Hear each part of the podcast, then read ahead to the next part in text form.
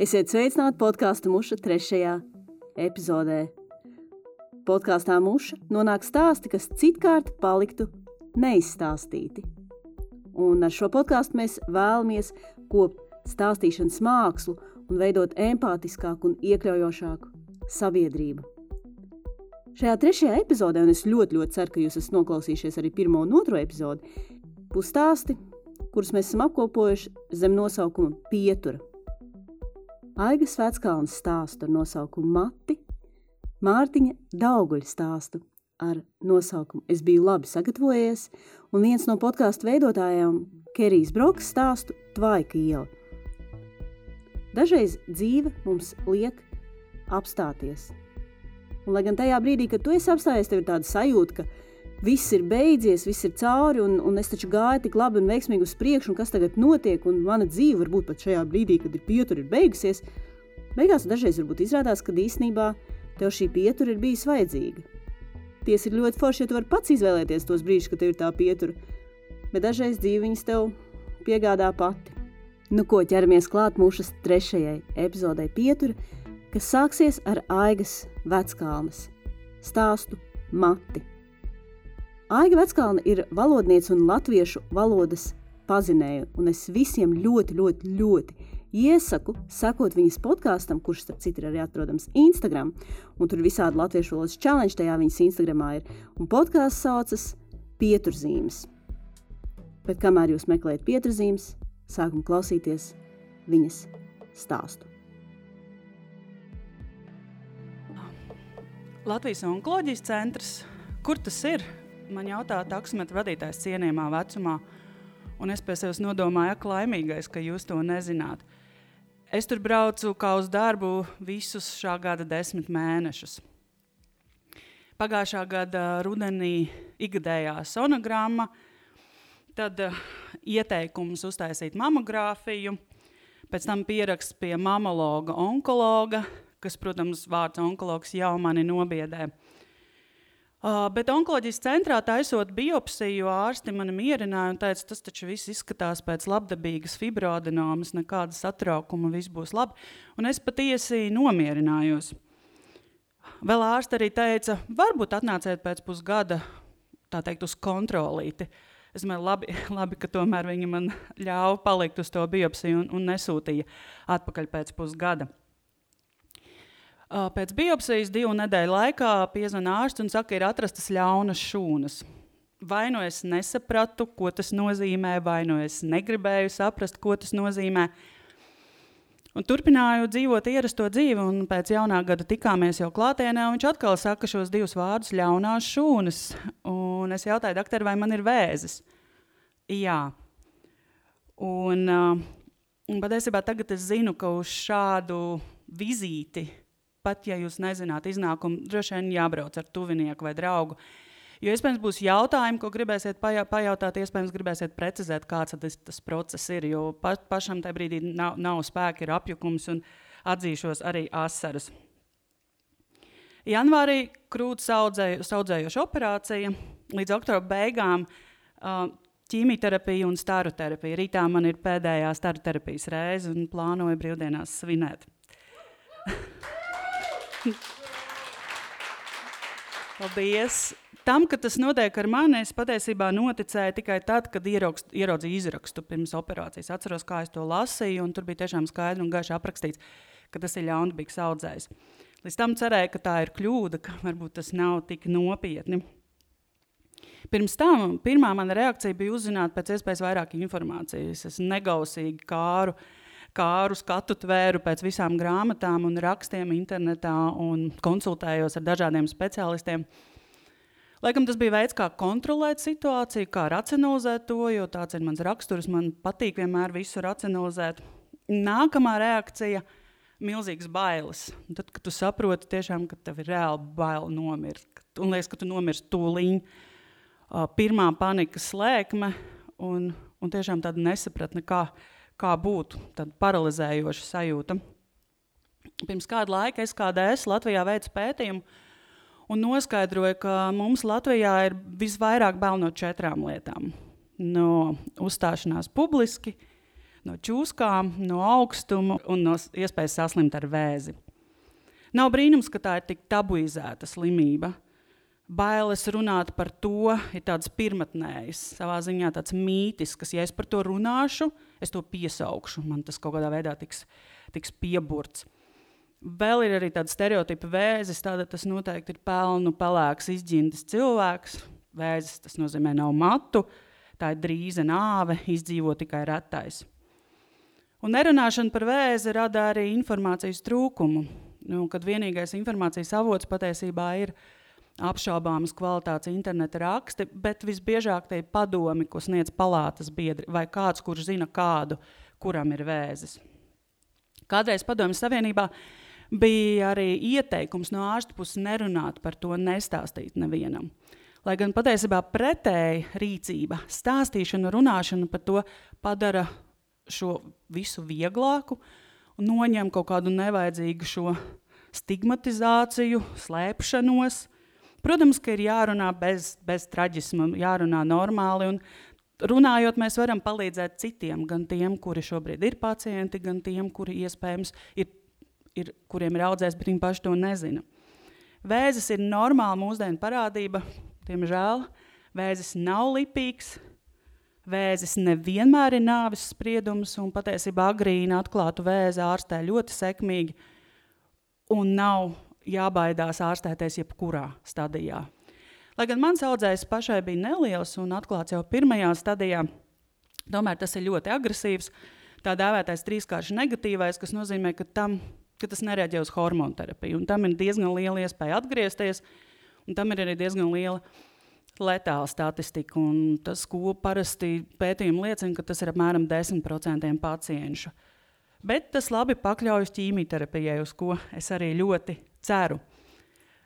Teorētiski es esmu vesela arī šobrīd, jo audzējs ir izņemts, terapija ir notikusi, bet vēl ir jāgaida pieci gadi, lai to varētu pateikt pavisam droši.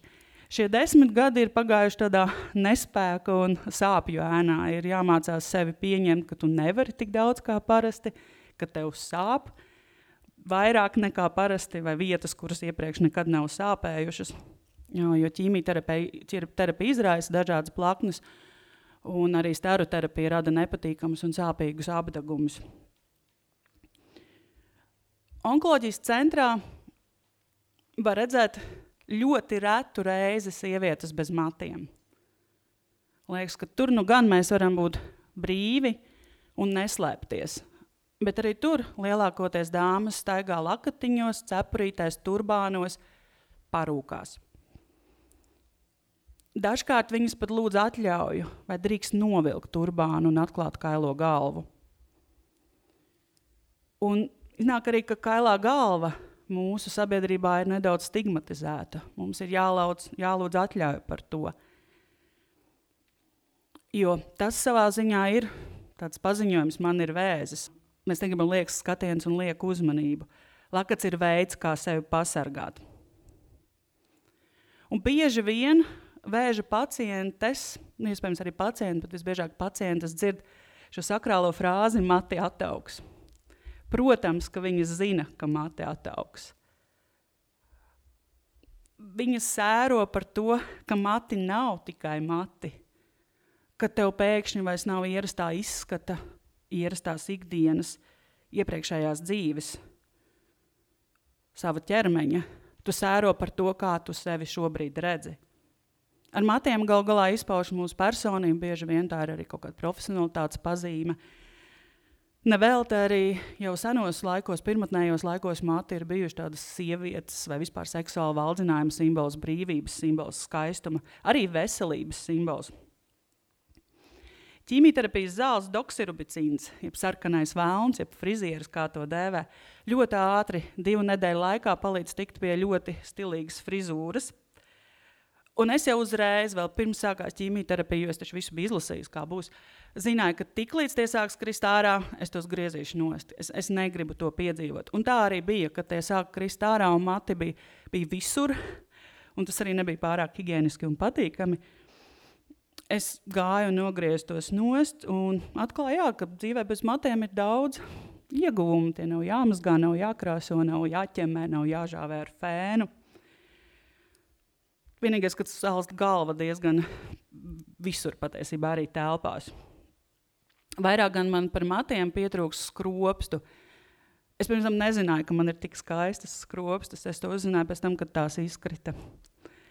Un, lai gan skropstas pamazām, pamazām sāk spraukties ārā, pirmie, kas sāk spraukties ārā, bija mazie matiņi uz sejas, mazās pūkas, un šķiet tās pat atomkarš neķers, kur nu vēl, kur nu vēl ķīmijterapijas inde. Nopirku parūku, jo likās, ka vajag, ka nevarēšu staigāt bez matiem publiskā vidē, gribējās pašai izvēlēties būt ar vai bez matiem arī iekštelpās.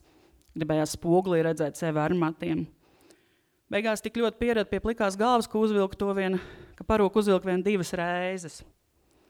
Bija tāds klikšķis, nolēma, ka staigāšu bez. Un paldies visiem, kas, kas mani šajā ceļā ļoti, ļoti pieņēma un iedrošināja, teica komplimentus. Jo tas tiešām bija, bija patīkami dzirdēt, un man arī kaut kā pašai iepatikās.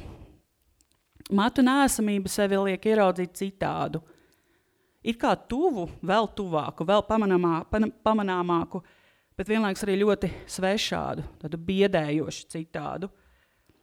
Un kaila gala, protams, pievērš uzmanību un skatienus, bet vienlaikus tā var kļūt par tādu sava veida paziņojumu. Vēzis mani nedefinē un dzīve turpinās. Arī jaunajā ID esmu bez matiem, lai pati atcerētos šo pieredzi. Šis un citi psiholoģiskie aspekti patiesībā ir grūtākais šajā cīņā, ja mēs izvēlamies vārdu cīņā ar audzēju. Man vēzis pirmo reizi mūžā lika pievērsties sev un dzīvot savā labā. Var teikt, ka audzēja dēļ es satikos ar sevi. Iepriekš vienmēr biju ignorējusi savu ķermeni, tas likās tāds liels un neveikls. Uh, tas traucēja, sagādāja problēmas. Vieglāk bija noslēpties tādā intelektuālā pasaulē, vislabāk darba pasaulē. Un dzīvoju tādu atlikto dzīvi. Nu, kad notievēšu, tad fotografēšos. Pirms tam nekad nefotografējos, izvairījos no tā, kad notievēšu, nu tad gan darīšu to un šito. Un patiesa bildes man lielākoties ir no tiem dzīves posmiem, kad esmu savā pasaulē kā tieva. Ārstēšanās process pakāpeniski ļāva ieraudzīt ķermeni no, no citas puses, kā patiesībā ļoti izturīgu, spēcīgu, drosmīgu. Un nofotografējos un ieliku sociālajos tīklos bildes ar sevi bez matiem, ar sevi ar apaļu seju. Um, sāku rakstīt, atkāpās bailes no kritikas. Citu viedoklis vairs nav tik ļoti svarīgs. No ticības sev rodas apņēmība un drosme nepadoties. Un šajā, šajā ceļā man noteikti milzu nozīme un palīdzība, protams, bija psihoterapijai un arī kustību terapijai. Bez tām es noteikti nebūtu tik, tikusi tik tālu, cik tālu es esmu tikusi. Pie tā, ka es esmu pietiekama un ka svars un izskats mani nedefinē. Runāšanai par vēzi publiski, ko esmu darījusi pēdējo mēnešu laikā, protams, ir arī zināmas blaknes, nu, pozitīvie. Pozitīvās blaknes ir tās, ka tevi visi atbalsta un saka labus vārdus. Un tāds varbūt, kas nevienmēr ir patīkami, to arī saņem daudz padomu.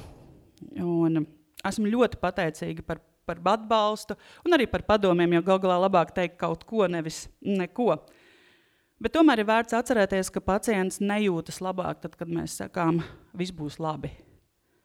Un ja nu nebūs, Šāda frāze, frāze savā ziņā mazina to, ko pieredzam, to, ko jūtam, jo pat nedaudz uzzina vainas apziņu. Un, ja nu es šobrīd nejūtos tā, ka viss būs labi vai, vai tas ir slikti, ir jāļauj sev būt dusmīgam, bēdīgam, sērojošam. Tas ir normāli. Vēl kāda frāze, ko nevajadzētu teikt, bet tev taču ir tikai pirmā stadija. Labi, ka tas ir tikai krūts vēzis. Varētu būt bijis sliktāk vai arī tu nemaz neizskaties slima. Un visas stadijas ir biedējošas, un dzīve pēc tam vairs nekad nebūs kā iepriekš. Tā dēvētā anxiety is real. Un vēl klasiska frāze.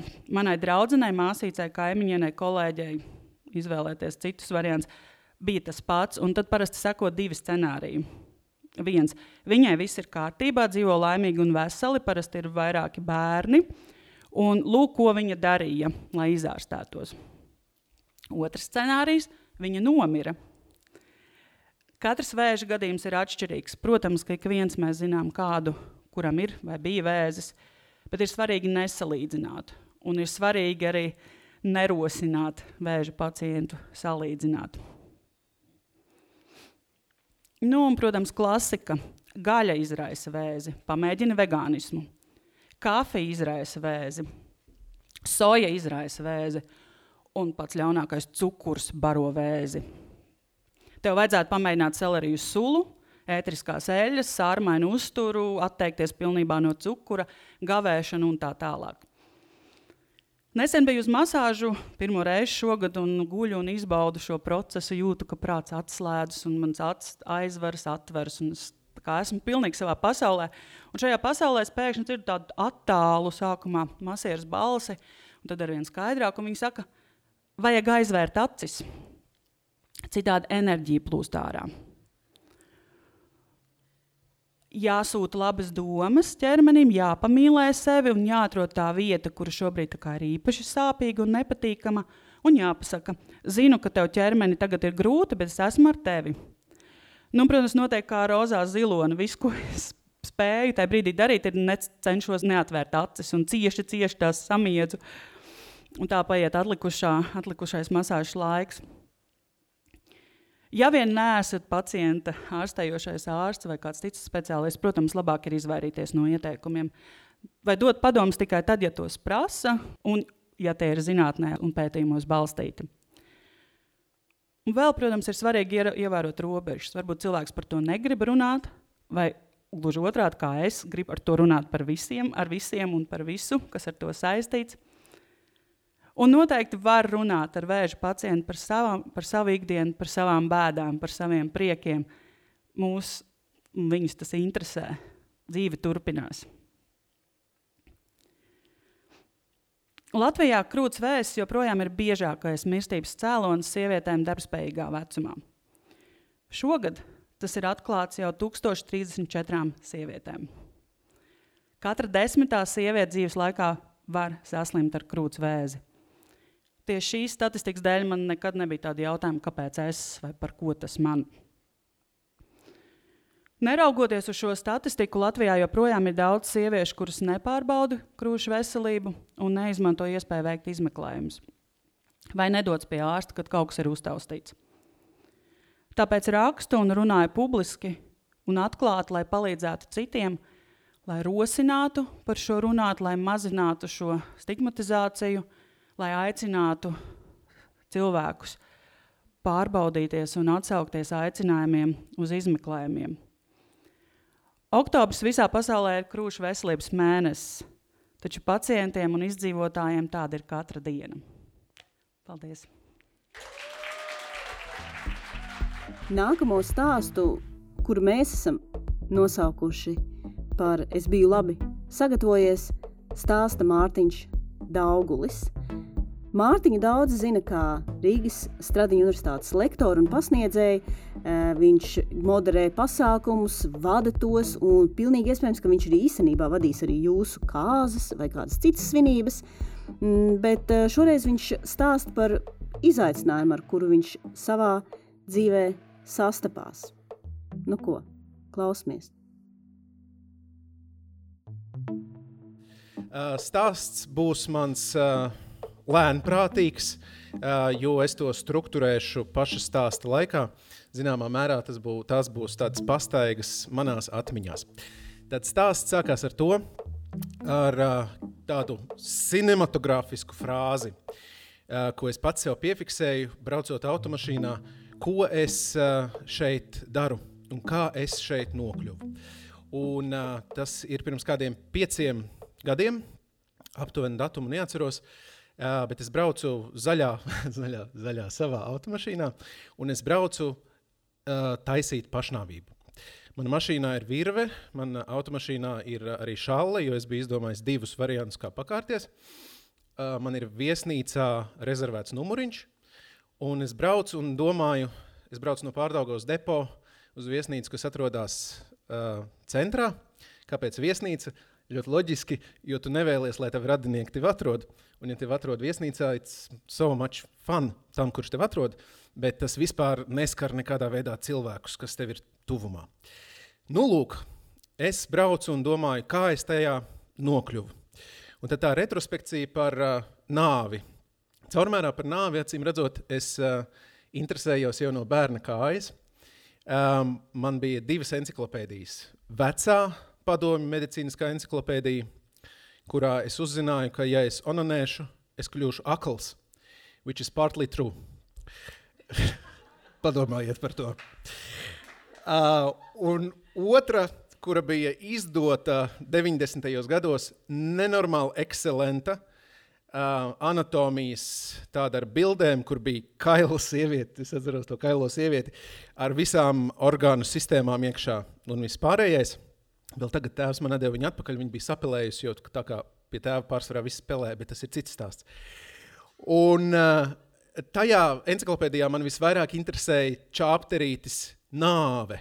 Jo padomju encyklopēdijā tāda čāpterīša nebija, jo acīm redzot, visi dzīvoja uz komunismu, kurā nemirst, acīm redzot arī.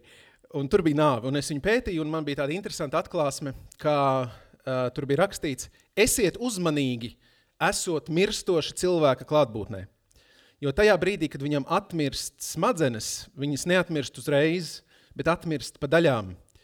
Un uh, dzirdes centrs saglabājoties visilgāk. Tas nozīmē, ka cilvēks visilgāk dzird, ko apkārt viņam runā. No serijas, oh, viņš jau ir miris. Un saka, nē, it kā vēl nē. Bet, eh, nu, jā un nē. Tāda refleksija tur par to ir. Nākamās epizodes ar nāvi man saistās ar, eh, ar bailēm. Uh, bet uh, uh, es atceros, nomiris krustāvs, un uh, ir bēres, un man ir septiņi, astoņi gadi. Un, lai es izturētu šīs bēres, man līdzi ir amulets, tāda stikla bumbiņa, ko mēs bērnībā saucām par suņa aci. Jo skatoties caur to bumbiņu, visa pasaule izskatoties kā ar suņa redzi. Tas arī ir mīts un māņi, bet uh, tā mēs izklaidējāmies mūsu skolas laikā, 90. gados. Un es pie tās to lodīti turu rokā, kamēr notiek tās bēres, un tad ir tas mirklis, kad māte stumj mani uz priekšu un saka, aizēj nobučo krustētiņu. Un es sāku nu, vaildlī raudāt. Un visa kapliča kā viņš viņu mīlēja. Es tā jūtu, ka viņa tā domā, viņš cieš. Bet man faktiski bija ļoti briesmīgi pieskarties mirušam cilvēkam. Tās ir domas, ko es domāju, braucot automašīnā uz, eh, nu, nosauksim, produktu placements uz viesnīcu Laine. Un, eh, un domāju, kā es tur nokļuvu. Kāpēc es braucu ja es tajā laikā jau eju pie psihiatra. Tas ir ļoti interesanti, ka tā gada sākumā, kad tas notika, tas sākās pakāpeniski. Es strādāju televīzijā tajā laikā, un es iestāstīju sev, ka ceļoties trijos naktī, braucot uz rīta ziņām, pēc tam var braukt vēl uz universitāti, pasniegt lekcijas, vadīt pasākumu, iet gulēt ap 12, pirms tam vēl iedzert, celties trijos un ziņās smaidīt. Un ka tas tāds ļoti leģit vispār dzīves stils. Es uh, kļuvu ļoti tievs, nu tagad nē, bet toreiz gan. Es svēru 70 kg, kad man pēc tam izgrieza apendicīts 60, 69,5 smags apendicīts. Uh, un uh, un uh, uh, pakāpeniski, ļoti lēnām, man no rītiem, kad es cēlos arī brīvdienās pēc tam, man parādījās doma, šodien ir nu, labāk nomirt. Un tas nāk tā ļoti pakāpeniski. Tas nenāk tā uzreiz, nu, no sērijas, šeit es esmu, taisīšu pašnāvību. Nē, viņš sākās tā pakāpeniski. Šodien uh, nu, dzīves prieks ir pazudis. Tam izrādās ir jēdziens anhedonija, jeb prieka pazušana. Tu pārstāji just prieku par kaut kādām lietām. Un tad kādā mirklī, kad es sapratu, ka vairs tā nevar, es uh, devos pie, uh, pie psihiatras. Un, uh, viņa man ierādīja dažādas hipnoterapijas, kas man palīdzēs atgūt spēku. Un traģiskākais un interesantākais šajā procesā ir, ka es braucu uz šo viesnīcas numuriņu, tad, kad es spēku jau biju atguvis. Un te ir tāda interesanta lieta, ko ļoti pedagoģiski es bakstīšu tā kā ar pirkstu acī. Gan uz sevi, gan uz citiem. Tajā brīdī, kad ir uh, drūmi, kad spēkā nav, kad ir tas viszemākais punkts, kad cilvēks saka, nu, gali ūdenī, tad bieži vien nav spēka neko darīt. Bet tajā brīdī, kad mēs ejam ārā no šī procesa, tad spēks parādās. Bet tev vēl joprojām ir riebums pret visu to, jo tu saproti, ka tu kādā brīdī varēsi atkrist atpakaļ. Stāsts par sajūtu, ko es vēl joprojām nevaru sev piedot. Man ir draugs Dāvids vārdā. Dāvids ir talantīgs. Viņš aizbrauc studēt režiju uz Franciju, nezināmos apstākļos, izkrīt pa logu, atgriežas Latvijā, un viņš ir ar bipolāriem traucējumiem. Viņš zvana man, kad viņš ir priecīgs, kad viņš ir bēdīgs, viņš kaut kur pazūd. Un tad Facebookā es skatos vienu dienu, Dāvids ielicis tādu zīmīti, viņa dzimšanas gads, viņa miršanas gads. Man pirmā doma, nu debils Dāvid, ar tādām lietām nejoko. Bet izrādās viņš reāli nomiris, uztaisīs pašnāvību. Un to viņa, viņa radinieki ir ielikuši Facebookā. Tajā mirklī, kad viņš bija kā, ar draivu. Tāpēc, ja mums apkārt ir cilvēki, kas, piemēram, sirgst ar maniakālo depresiju vai līdzīgām iezīmēm, esam uzmanīgi, kad viņi kļūst priecīgi. Viņi visu laiku bija bēdīgi, bet vienā mirklī, wow, nu tik darīs, nu tik būs. Un ja viņi kļūst mierīgi, jo tajā brīdī, kad es braucu uz viesnīcu Laine, es esmu nenormāli mierīgs. Es esmu visu aprēķinājis, man ir uh, dzīvības apdrošināšana, Es esmu noslēdzis tādu līgumu, ka ar pirmo, ar otro līguma gadu es varu izdarīt pašnāvību, tad izmaksās. Uh, kas ir nu, prātīgs un apdomīgs cilvēks. Man ir sarakstītas visas vēstules, kas ir līdzi, un es pat esmu kalendārā izplānojis tā, lai nevienam pasākuma organizētājam nebūtu nērtības, ka es neierodos vadīt kāzas vai kaut ko tamlīdzīgu nu, brīvajā laikā, nomirti brīvajā laikā. Lai nevienam nenodarītu citam pāri, es nomiršu tad, kad nevien, neviens no tā necieš. Ja? Um, nākamā tā sajūta, ka tas ir ļoti uh, racionāli. Prāts piemeklē pats, ka tas ir visracionālākais ceļš, ko iet. Piemēram, Mārtiņ, tava mamma mira ļoti ilgi,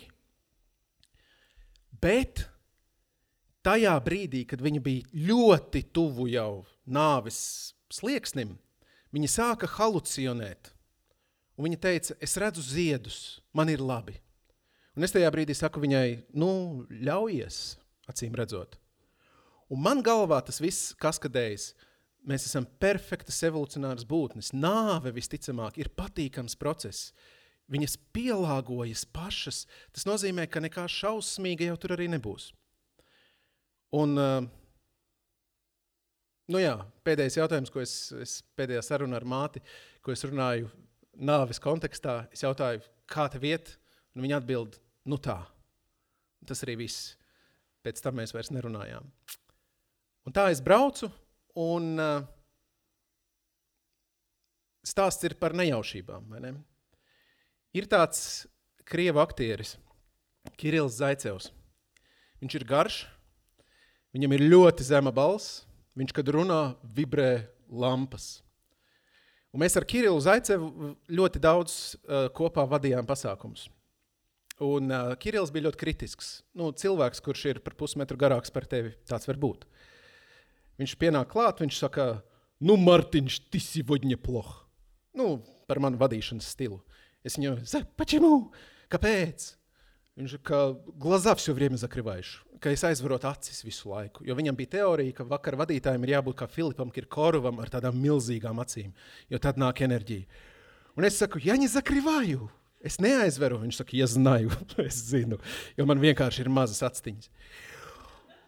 Un kaut kā bija pasācies tā, ka uh, reiz ar Kirillu es braucu pakaļ Kirillam uz pasākumu, un viņš nāk ar diviem lieliem maisiem, un es atveru logu. Un es viņam tā izsmējīgi saku, что тебе žena brosila? Nu, kad tevi sieva pameta, ka tur tie tādiem maisiem nāca. Viņš saka, ņet, samušol. Un viņš izrādās patiešām pats ir aizgājis no sievas tajā dienā. Un, un tu tāds, what the fuck, kā tādā brīdī uzvesties? Bet ar Kirillu mums bija tādas, tādas zibenīgas attiecības. Reizes viņu paņēma līdzi uz kāzām, vienkārši kā cilvēku, lai viņš paskatītos, kā latvieši svin kāzas. Uh, protams, tur spoilers precējās latvieti ar turku. Uh, Uh, un tās bija citādas kārtas. Tad Turks jautāja, kas tas par vīrieti sēž stūrī un skatās uz mums tādā krīpī formātā. Un Kirillis tad nodziedāja uh, dziesmu, Čengis, Čengis, Čengis, un Ieva, esmu tavs vīrs, tu mana sieva. Un, uh, un, un, un tas bija baigi jautri. Bet kāpēc es to stāstu? Jo es braucu un es pagriežos ar automašīnu pie uh, ministru kabineta pa labi, braucu garām kinoteātrim Splendid Palace, un tad es griezīšos pa kreisi, un tad tur tālāk tur apmetīšu loku, un tad es piebraukšu tur, kur man vajag. Un pēkšņi krustojumā, ceļā uz manu nāvi, atraujās vaļā durvis, iesēžās Kirills, ne no kurienes, aizcēra durvis un saka, atvizimiņa damoj. un tajā brīdī ir tāds, tš, es viņu aizvedu mājās, uh, es izmetu tās virves pēc tam, es aizmirsu par vēstulēm. Un pēc tam biju ļoti pārsteigts atrast tās un ļoti pārbījies, ka kāds cits būtu varējis viņas atrast. Un kopš tās reizes es atgriežos tajā automašīnā, lai saprastu, cik domas ir viltīgas. Ir um, 2020. gads, pēc pieciem gadiem. Man šodien uh, laba draudzene, raksta ziņu, kā tu jūties, un es rakstu, es esmu ieplakā, līdz virsotnēm ir tālu. Šobrīd man ir uh, divas zāles, ja mēs dalāmies. Vienā no tām ir blakne, kas saucās pēkšņa nāve, kas ir ļoti prikulīgi, jo, ja tu lasi ibumetīnu, tur ir tikai iekšēja asiņošana un aklums. Tad ir zāles, kurām vienkārši pierakst klāt pēkšņi nav. Viņa notriec autobusu, ā, tas no zālēm. Vai kaut kas tam līdzīgs. Un tas, ko es esmu sapratis, ir uh, punkts A.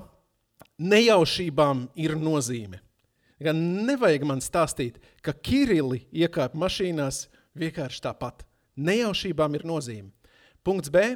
Nekad nevar zināt, kas notiks tālāk. Jo pēc tās dienas ir notikuši miljons piedzīvojumi, kuras es nekad nebūtu varējis iztēloties, ka jebkad notiks.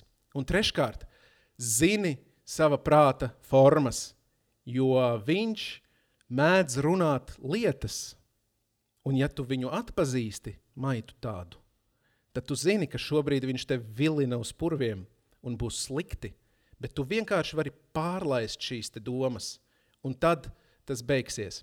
Caurmērā viss iet uz labu, un man prieks šovakar ar jums šeit tikties. Paldies! Thank you.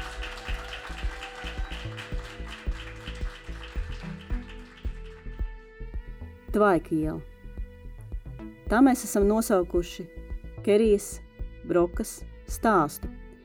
Kerija ir viena no šī podkāstu veidotājām, un, un viņa mums e, dara ļoti daudzas lietas. Viņa saliek šo podkāstu tehniski, e, palīdz viņu ierakstīt, un ir ļoti, ļoti brīnišķīga un radoša personība. Bet kā jau daudzām radošām un brīnišķīgām personībām, dažreiz gadās nonākt pieturā kurā nonākt tu īsti nebija gaidījis. Klausamies! Mans stāsts ir tāds. Man bija 16 gadi, kad es aizgāju no vecākiem. Es, protams, pie viņiem braucu ciemos un dažreiz arī kādu nedēļu padzīvoju, bet viņi man uzticējās un ļāva dzīvot patstāvīgu dzīvi. Un, es, protams, arī biju atkarīga no viņiem finansiāli, taču pārējo visu es plānoju pati. Tajā brīdī es darīju visu, ko es iedomājos, ka es esmu spējīga izdarīt. Vidusskola. Es mācījos vienā no prasīgākajām Latvijas gimnājām. Piedalījos visādās jauniešu organizācijās un projektos un dziedāju divos koros. Es centos būt apzinīga un centīga gimnāziste, jauniete, aktīviste. Līdzās tam es biju nereāli liela balētāja. Un manā dzīvē parādījās iespējas uh, lietot alkoholu un pamēģināt uh, visādas lietas, kas uh, aiznes citos apziņas stāvokļos. To visu darot, apvienojot šos divus uh, dīvainos dzīvesveidus, centīgo, apzinīgo un izklaidīgo, es aizmirsu uh, kārtīgi parūpēties par sevi. Es aizmirsu par pilnvērtīgu miegu. Es gulēju 3 līdz 6 stundas naktī. Es ēdu visādas drāmīgas lietas. Es domāju, ka kartupeļus uh, cept 4 naktī un ēst ir normāli. Es uh, dažreiz iztērēju visu savu nedēļas naudu pirmdienā un visu atlikušo nedēļu ēdu roltonus.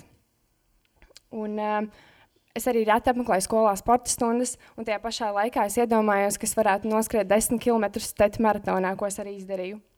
Un es nevienā brīdī nemācīju apstāties. Tad es izdomāju, septīto reizi savā dzīvē, kad es varētu uzsmēķēt zāli. Es to izdarīju, un pusstundu vēlāk es to ļoti nožēloju. Neko daudz neatceros, tikai baisas sirdsklaus, reiboņus un sirdspilienus. Zāle bija katalizators, lai mans ķermenis izdomātu man atriepties par visu, ko es tam iepriekšējo gadu laikā biju nodarījusi, satricinot un izvedot mani cauri kārtīgai trauksmes lēkmei, kas ilga divas stundas. Pēc lēkmes joprojām jūtu diskomforta sajūtu sirds rajonā. Nākamajā dienā panika atkal bija klāta. Aiznākamajā atkal. Un tā turpmāko mēnesi Katru dienu es izbaudīju plašu simptomu klāstu, dažādās kombinācijās. Man viss galvenokārt izpaudās sirds rajonā. Man bija sirdsdarbības traucējumi, pātrināta, palēnināta, neritmiska sirdsdarbība, pārsitieni, sāpoša sirds, galvas reibšana, ģīpšana, elpas trūkums, tirpšana, redzes traucējumi, gremošanas traucējumi, trīce, augstuma, karstuma viļņi, augsts asinsspiediens, svīšana, grūtības koncentrēties, bezmiegs, daudz miega paralīzes un bla bla bla. Un tam pavisam pa virsmu man bija uzmācīgas domas un bailes par to, ka man varētu būt kaut kas nopietnāks, nevis tikai panikas lēkme. Lai manas aizdomas neapstiprinātos, es gāju pie visādiem ārstiem un veicu izmeklējumus. Es taisīju plaušu rengenu, elektrokardiogrāfiju, ehokardiogrāfiju, ultrasonogrāfiju, magnētisko rezonanci un tā tālāk. Man arī kādreiz bija bail no asins analīzēm, taču tobrīd man viņas taisīja tik bieži, ka es pārstāju no tām baidīties. Ģimenes ārsts, neiroloģi, kardiologi, uh, psihiatri un psihoterapeiti kļuva par manu ikdienu. Katru dienu es saņēmu jaunu slēdzienu, jo ārstiem kaut kas bija jāieraksta manā, manā izziņā. Tātad panikas slēgmes, neirastēnie ar veģetatīvu nestabilitāti, hormonu disbalanss, aritmija. Un tad vēl es pati sāku klāt izdomāt citas slimības. Es domāju, ka man būs infarkts, insults, trombi, multiplā skleroze, epilepsija, varbūt vēzis, encefalīts un tā tālāk. Katrs ārsts, pie kuras gāju, izrakstīja man medikamentus. Lēnām sāku veidot mājās aptieku sākot ar tabletēm uz auga bāzes līdz ķīmijai, antidepresantiem, neiroleptiskiem līdzekļiem, miega sedaktīviem līdzekļiem, tranquilizatoriem, leksotenilu, ksanaks, zāles, kuras pārdozē reperi. Nofen, adaptolu, anaprilīnu, hipnosu, somnolu, spitamīnu, mirtazēnu, seroksatu un tā tālāk. Tomēr es pie ārstiem gāju biežāk nekā uz skolu, ar ātriem braucu vairāk nekā ar parasto mašīnu un slimnīcās dzīvoju ilgāk nekā mājās.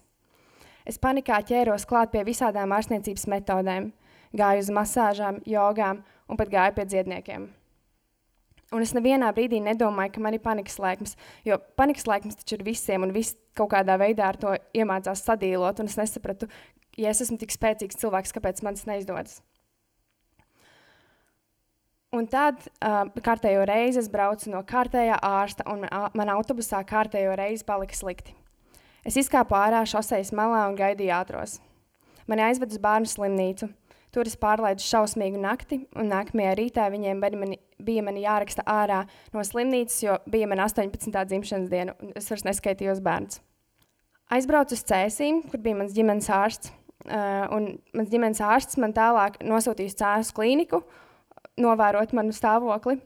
Un es aizbraucu uz Cēsu klīniku, kur man pasaka, ka man viss ir ok, un man pasaka, hei, saulīt, varbūt tev vajag aizbraukt uz tvaikielu. Es brīdi padomāju, un es atbildēju, jā, davai.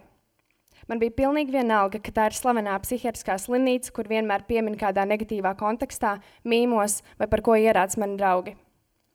Man vienkārši vajadzēja blakus ārstu, jo tikai tad es jutos droši. Tajā dienā pa ceļam iebraucu mājās. Māma man sakrāmēja mantas, pa vidu vēl bija mana dzimšanas dienas kūka, dāvanas un apsveikumi. Un tad gan uz Rīgu. Pa ceļam man atkal bija šausmīgi slikti, un mēs braucām ļoti ātri, un tēvs turēja manu roku. Mēs iebraucām Tvaikielas teritorijā un maldījāmies līdz atradām uzņemšanu. Mēs iegājām uzņemšanā, bija 11 vakarā, un mēs sēdējām koridorā. Tie koridorā vēl bija kaut kāda dīvaina, krīpīga ratiņgulta, no kuras man bija bail, un tur staigāja sanitāri tajos zaļajos kiteļos un biksēs. Vienā brīdī pavērās durvis uz citu koridoru, kur stāvēja puskails vīrietis ar sasistu seju. Tobrīd tētim teica, lai viņš ved mani uz gaļazaru vai jebkur citur, bet šeit es nepalikšu. Pēc brīža atnāca dežūra ārste un ieaicināja mani uh, savā kabinetā. Kabinets bija gaišs, ārste bija ārkārtīgi profesionāla un saprotoša, un es sajūtos droši. Es izstāstīju viņai savu situāciju, noliku uz galda savu medikamentu kasti, un viņa man uzklausīja un teica, ja tu vēlēsies, tad te ir vieta, kur varam tev palīdzēt. Uzsverts uz vārdu vēlēs, jo tā bija absolūti man brīvprātīga izvēle. Es atbildēju, ka es palikšu šeit, un viņi man piedāvāja ielikt 17. nodaļā. Tad mani aizveda uz citu ēku, kur man lūdza atdot visas savas personīgās mantas, kas bija telefons, maks un tā tālāk. Nodaļas medmāsa aizpildīja lapu par manu vispārējo veselības stāvokli. Un tostarp bija jautājums, vai man kādreiz ir bijušas domas par pašnāvību vai pašnāvības mēģinājumu, uz ko es jokojoties atbildēju. Nē, es neesmu domājis par pašnāvību, bet dažkārt esmu domājusi, ka vieglāk būtu nomirt nekā sadzīvot ar šo visu. Viņa dīvaini paskatījās uz mani un ielika mani novērošanas palātā ar kamerām un stikla sienu uz medmāsu kabinetu. Man iedeva maģisku rozā tabletīti, kas ļauj beidzot izgulēties uz 12 stundām. Nākamajā rītā es pamodos, un man blakus gultā sēdēja sieviete. Viņu sauca Aija. Uh, visas tekstā izdomātās personas ir ar izdomātiem vārdiem. Um, Aija ir schizofrēnija. Pirmā lieta, ko viņa man teica, no taviem matiem ir uztaisīta lelle. Es viņai neko neatbildēju, un man palika mazliet nērti, uh, jo atcerējos, ka aptuveni pirms mēneša es nogriezu matus un noziedoju vēža parūku izgatavošanai. Pēc dažām stundām mūsu palātā ielika meiteni, kur daudzīja galvu pret gultu, un tad viņa piekakāja toltē grīdu un izlietni, un tad man pārlika uz citu palātu. Pirmajā dienā manī bija tik daudz tranquilizatoru, ka es gulēju un daudz neko neatceros. Otrajā dienā man atdeva telefonu un es piezvanīju mammai. Trešajā dienā es sāku socializēties ar pārējām nodaļas pacientēm. Mēs bijām sieviešu nodaļa. Katrai bija stāsts par savu nonākšanu šeit. Manā nodaļā bija cilvēki ar depresiju, trauksmi, suicīdām domām vai mēģinājumiem, obsesīvu kompulsīviem traucējumiem, bipolāra afektīviem traucējumiem, psihozēm un vieglākām schizofrēnijas formām, plus ar citām garīgām saslimšanām ar netika agresīviem simptomiem. Lielākā daļa no manas nodaļas atradās normālā apziņas stāvoklī, vai dažu dienu laikā varēja redzēt, kā viņi savācas un kļūst par normāliem. Garīgās saslimšanas nešķiro cilvēkus pēc statusiem. Mūsu vidū bija jaunieši un cilvēki gados. Skolotāji, ārsti, aktieri, mākslinieki, pārdevēji, frizieri, studenti, uzņēmēji un citi. Es iepazinos ar meiteni Elzu, kura bija gadu vecāka par mani, un um, viņa gan izuztaisīja pašnāvību. Mēs ar viņu sadraudzējāmies. Iepazinos ar Elizabeti. Viņai ir anoreksija. Bija. Pēc dažām nedēļām viņa nomira. Dace, psiholoģija, kur uzsmēķēja zāli un ar psihozi viņu atveda šeit. Margarita, šizofrēnija. Viņa galvā dzirdēja balsis, kas lika viņai izdarīt pašnāvību. Viņai bija sagriezts kakls. Zelma, slavena aktrise, kuru atveda ratiņu gultu, un viņa teica māsiņām, lai iedod viņai nazi, jo viņa grib sagriezt sevi. Laila. Nezinu, kas bija viņas diagnoze, bet zinu, ka viņai bija traumatiska kopdzīve ar kādu ārzemnieku. Pēc dažām dienām atveda Anniju. Anija apgalvoja, ka viņas radinieki viņu ieslodzīja slimnīcā bez iemesla. Ja godīgi, tad man viņa likās pārāk sakarīga, lai atrastos šeit. Vēl pēc dažām dienām policija atveda vienu 60-gadīgu kundzi, kura bija diezgan neadekvāta un lēja medmāsām virsū ūdeni. Un tad uz nodaļu atveda arī Justīnu, kurai bija depresija. Justīna kļuva par vienu no maniem tuvākajiem cilvēkiem arī pēc slimnīcas. Tvaikēlā es pavadīju piecas nedēļas. Lielāko daļu laika es mācījos savaldīt savas trauksmes laikmes. Kad jutos labāk, es gāju runāties ar cilvēkiem. Manuprāt, viņi saprata manas sajūtas labāk par maniem tuvākiem draugiem, ģimeni un ārstiem. Un vispār runājot par medpersonālu, šajā slimnīcā es sapratu, ka Tvaikai ielā barjera starp pacientu un uh, medpersonālu ir lielāka nekā citur. Šeit mazliet ir tāda sajūta, ka tu esi dzīvnieks un ārsti tevi novēro, kā tu uzvedies.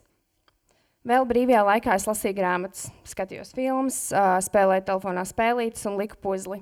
Es saliku kaut kādas trīs puzles ar tūkstotis kauliņiem, nekad iepriekš dzīvē to nebiju darījusi. Otrajā nedēļā man tētis atveda ukuleli, un tad mēs ar meitenēm apvienojāmies kolektīvā mūzikas terapijā. Vēl es izdomāju, ka varētu taisīt workoutus, ko es arī darīju pirmās divas nedēļas. Un uh, tad es sāku rakstīt arī dienas grāmatu. Es ļoti daudz analizēju sevi, pierakstīju sajūtas un taisīju to listu ar lietām, ko man vajadzētu darīt, kad iziešu ārā. Mēs arī ēdām. Mums bija četras ēdienreizes un baroja diezgan garšīgi. Uh, viss bija forši, vienīgais sākumā bija grūti pierast, ka vienīgais ēšanas rīks ir karota. Ar karotes iemācījos uzsmērēt sviestu uz maizes, ēst kartupeļus, makaronus, sagriezt dasu, sieru un tā tālāk. Dakšiņas un naži bija aizliegti. Un runājot par aizliegtiem priekšmetiem, pa nodaļu slepeni klīda viens nabaga plasmasas nazis, pinceta, vīlīte un nagu knaiblītes. Nagu knaiblītes slimnīcā iekšā dabūja mana mamma ieliekot tās manās zeķēs. Šie priekšmeti, izrakstoties no slimnīcas, bija slepeni jānodod tālāk nākamajiem, kuri tur palika. Tas bija tāds nerakstītais likums. Trīs, dienas, uh, trīs reizes dienā bija jādzer zāles. Trešajā nedēļā es jutos uh, jau labāk, un ārsts pamainīja manu zāļu davu. Vienā dienā izrādījās, ka man vairs nedod miega zāles, un to nakti es nevarēju aizmigt vispār. Man naktī sākās trauksme un palika ļoti, ļoti slikti. Un tad es atkal sāku domāt, ka man ir kāda cita slimība – Jo, ja jau es te tik ilgi ārstējos, tad man noteikti nav panikas slēgmes, un tad man jābūt kaut kam nopietnākam. Man palika ar vien sliktāk un sliktāk, un pavisam slikti. Man bija visi iepriekš minētie simptomi, eh, trauksme, sāpes sirds rajonā, un asinsspiediena aparāts rādīja 180, 120 un pulsu 170 sitienas minūtē. Klāt vēl nāca ārprātīgs bezspēks, man bija grūti runāt un staigāt, bet aizmigt es nevarēju. Es vairs nevarēju paspēlēt ukuleli, Es vairs nevarēju palikt puzli un rakstīt, jo man trīcēja rokas. Man parādījās arī ēšanas traucējumi. Visu, ko dabūju pāri lūpām, es gribēju izvemt. Man parādījās šausmīga nomāktība. Man palika bail no savām domām. Vairākas dienas es nemirkli nejūtos normāli. Es tiešām gribēju justies normāli vai pat kaut drusciņi cieši, lai es varētu sadzīvot ar sevi. Es pamodos un man gribējās nomirt. Vienīgais brīdis, kad es neko nejūtu, bija naktī, kad es gulēju. Katru rītu, kad es pamodos, es gaidīju vakaru, kad man iedos atkal miega zāles un es varēšu neko nejust. Vairākas reizes dienā es gāju uz māsiņu kabinetu un prasīju, ko man darīt. Varbūt var man iedot kādu tabletīti, no kuras es varētu aizmigt un pagulēt. Māsiņa teica, ja tu šitā ņemsies, tad man tev būs jāpiesien pie gultas. Tajā brīdī man pazuda uzticība ārstiem, un es izdomāju vairs nedzert zāles un spļaut ārā.